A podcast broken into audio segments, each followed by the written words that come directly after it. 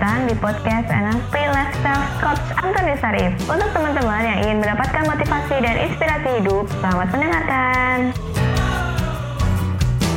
Masuk ketiga ya. Nah, jika tak ada kesamaan bagaimana? Tetap harus cari. Pasti ada, nggak mungkin nggak. Hobi. Bisa nggak? Hobi. Jurusan kuliah. Bisa nggak? Oke? Nah, jadi cari kesamaan atau kesamaan anak, kesamaan lokasi, kesamaan wilayah, kesamaan guru, kesamaan apa pun pasti kita cari kesamaan. Harus cari kesamaan. Oke? Ya. Bang mau nanya kalau masuk ke universitas negeri ada tes medicalnya nggak? Waduh, itu pertanyaan yang nggak bisa saya jawab ya. Mohon maaf nih, saya nggak ngerti tentang kampus sekolah. Aduh, aku bukan dosen jadi nggak tahu ya. Maaf, maaf, maaf, maaf ya saya nggak ngerti. Oke lanjut. Oke ya, kedua udah oke? Oke, sekarang yang ketiga. Ketiga, wah, surprise saya. Uh, ini peserta yang masuk ada 105. Wow. Dulu yang pertama kali pada belajar itu cuma 10 orang. Sekarang sudah 105. Wah, keren, keren, keren. Hebat. Semoga semua rezekinya berlimpah ya. Ya kita lanjut. Yang ketiga, bangun keselarasan. Maksudnya bangun keselarasan apa? Bangun keselarasan artinya jangan berdebat dengan customer. Saya ulang lagi. Jangan berdebat sama customer gitu ya.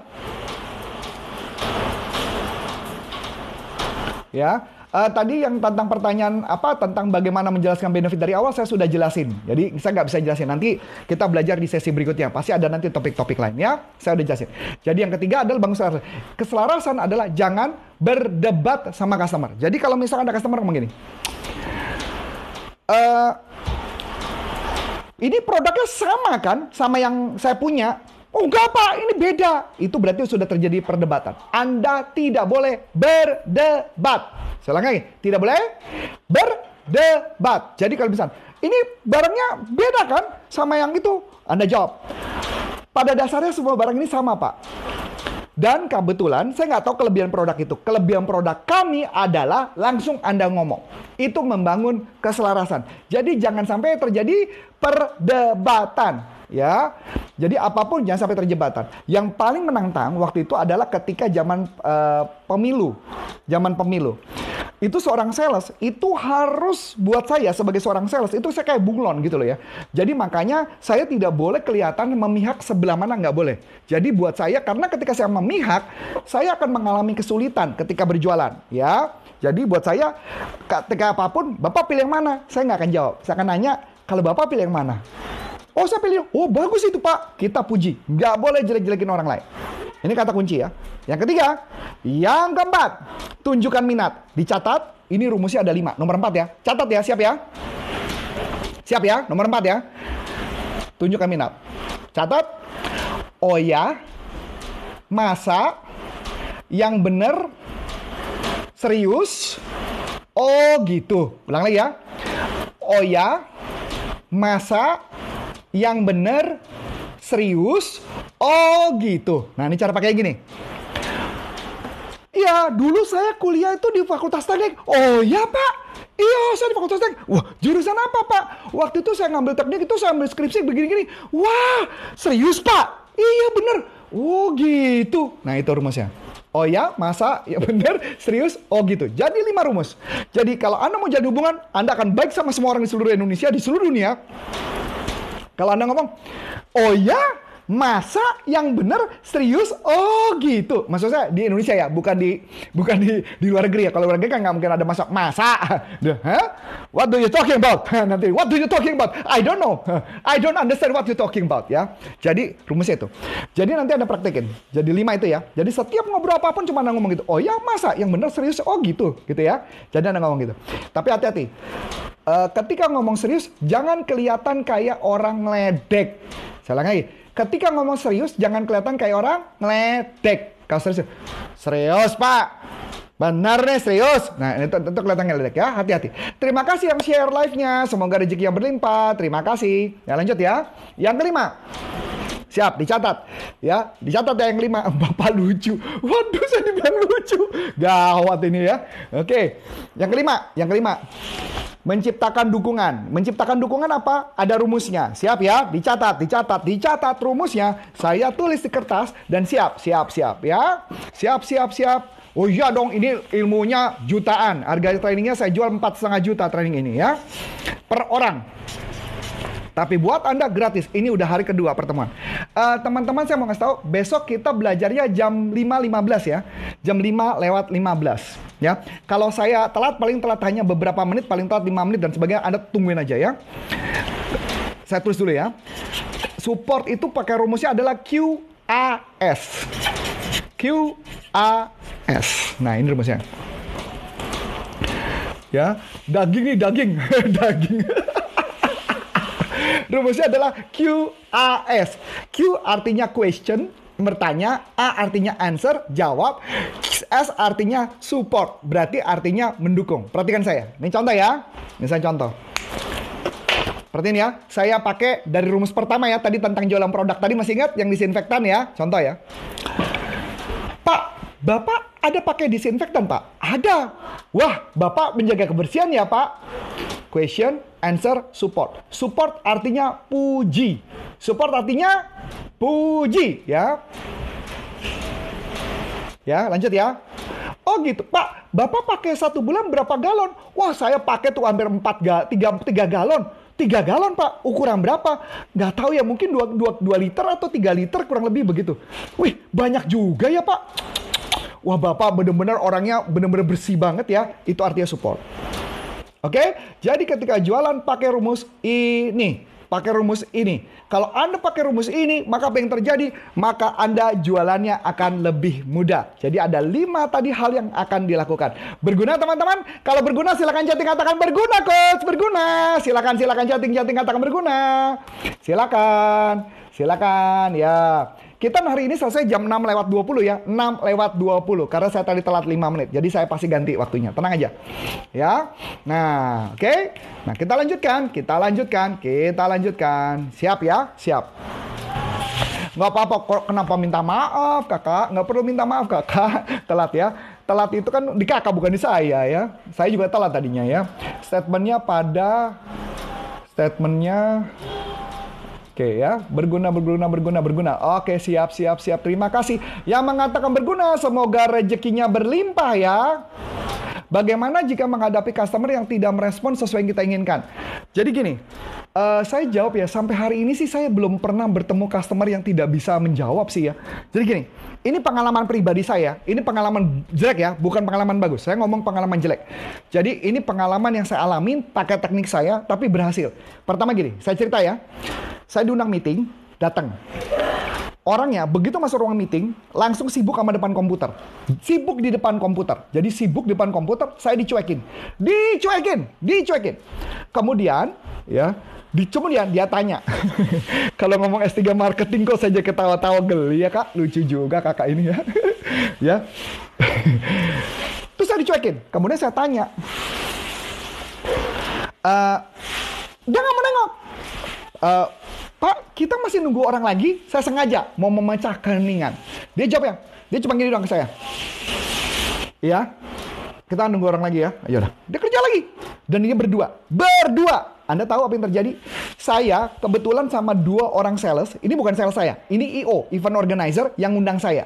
Jadi saya lihat dua salesnya udah panik dia karena sales baru ya. Udah panik, cemas. Tahu nggak apa yang saya lakukan? Saya duduknya maju ke depan. Saya duduk begini, gitu ya. Saya duduk gini. Saya melihat mereka berdua. Saya melihat mereka berdua. Satu cowok, satu cewek. Saya lagi nunggu kesempatan. Dia nengok ke saya. Saya ulangi lagi. Dia nengok ke saya. Abis. Pasti akan aja ngobrol. Jadi saya tunggu kesempatan. Apa yang saya lakukan?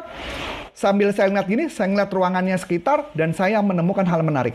Di sana ada market tentang bangunan Jepang. Saya ulangi lagi, ada market bangunan Jepang.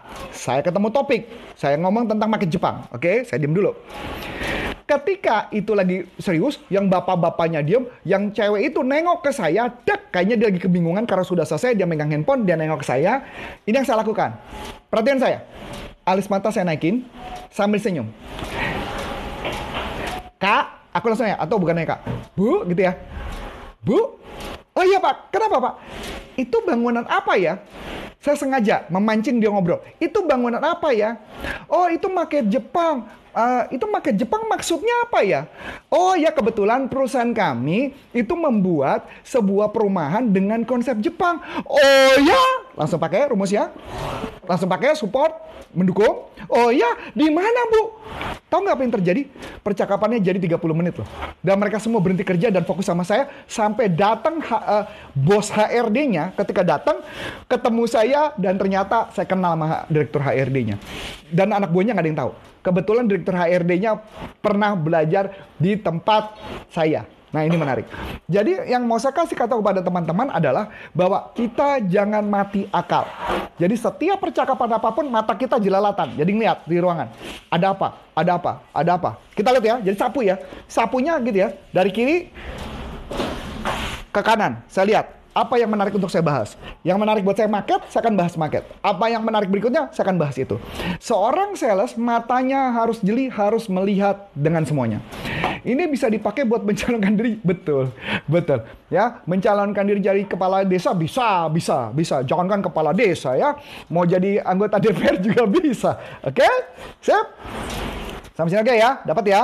Bermanfaat teman-teman, bermanfaat. Kalau bermanfaat, hati katakan bermanfaat, coach. Bermanfaat ya. Oke, yuk kita lanjutin. Siap ya. Karena saya mau memberikan materi yang sangat banyak nih teman-teman ya. Jadi kita mulai bicara tentang uh, bahasa komunikasi ya, bahasa komunikasi supaya kita bisa membuat orang lain mengikuti kita ya, mengikuti kita. Apa yang akan saya ajarkan? Nah, teman-teman, ini ilmunya agak agak canggih, ini agak canggih, perlu dicatat. Perlu dicatat, perlu dicatat. Ini catat ya, siap siap catatan, siap catatan. Saya terus terang kalau ditulis di kertas nggak mungkin, karena ini banyak banget. Ini banyak banget. Saya ngasihnya lebih dari ada berapa nih? Uh, 4, 6, 8, 12. 12. 12 training. Tergantung Anda nih. Anda sanggup apa nggak nangkepnya. Siap ya? Ini adalah bahasa-bahasa hipnosis. Saya ulangi, ini adalah bahasa-bahasa hipnosis supaya orangnya nurut sama Anda. Siap? Siap ya? Yuk kita mulai. Yang pertama. Ya. Jadi ketika Anda, ketika Anda mau meminta orang, saya perhatiin saya, ketika Anda mau meminta orang melakukan sesuatu, jangan gunakan kalimat kata kerja. Nah, pasti pusing nih. Maksudnya gimana? Kata kerja. Saya jelasin dulu.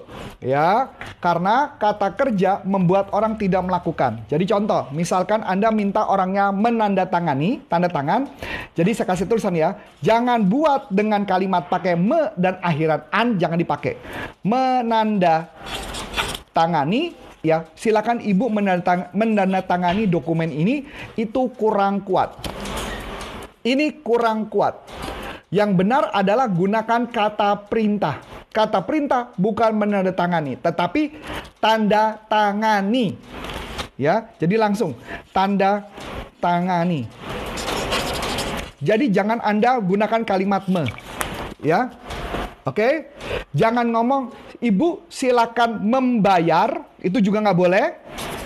Membayar itu tidak boleh karena kalimat membayar itu ada kalimat me, itu kata kerja dan belum tentu dilakukan. Maka Anda bilang silakan ibu bayar. Oke, silakan ibu bayar. Ini kata kunci.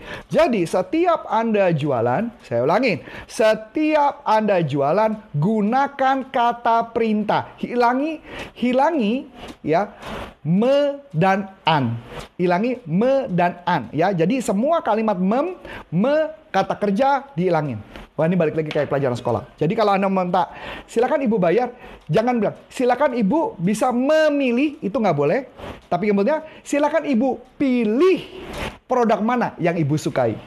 Karena ketika memberi perintah, maka orangnya akan turutin Anda. Ya, silakan ibu melihat-lihat, tidak boleh gunakan kalimat silakan ibu lihat.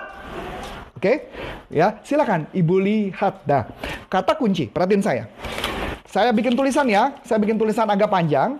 Nanti buat Anda biar bisa lebih canggih ya, kita bikin satu kalimat. Jadi nanti Anda harus pakai kalimat hipnosis, orang akan nurut sama Anda. Misalkan contoh ya, silakan kan harusnya silakan ibu melihat-lihat ya. Kita nggak boleh. Jadi silakan ibu lihat.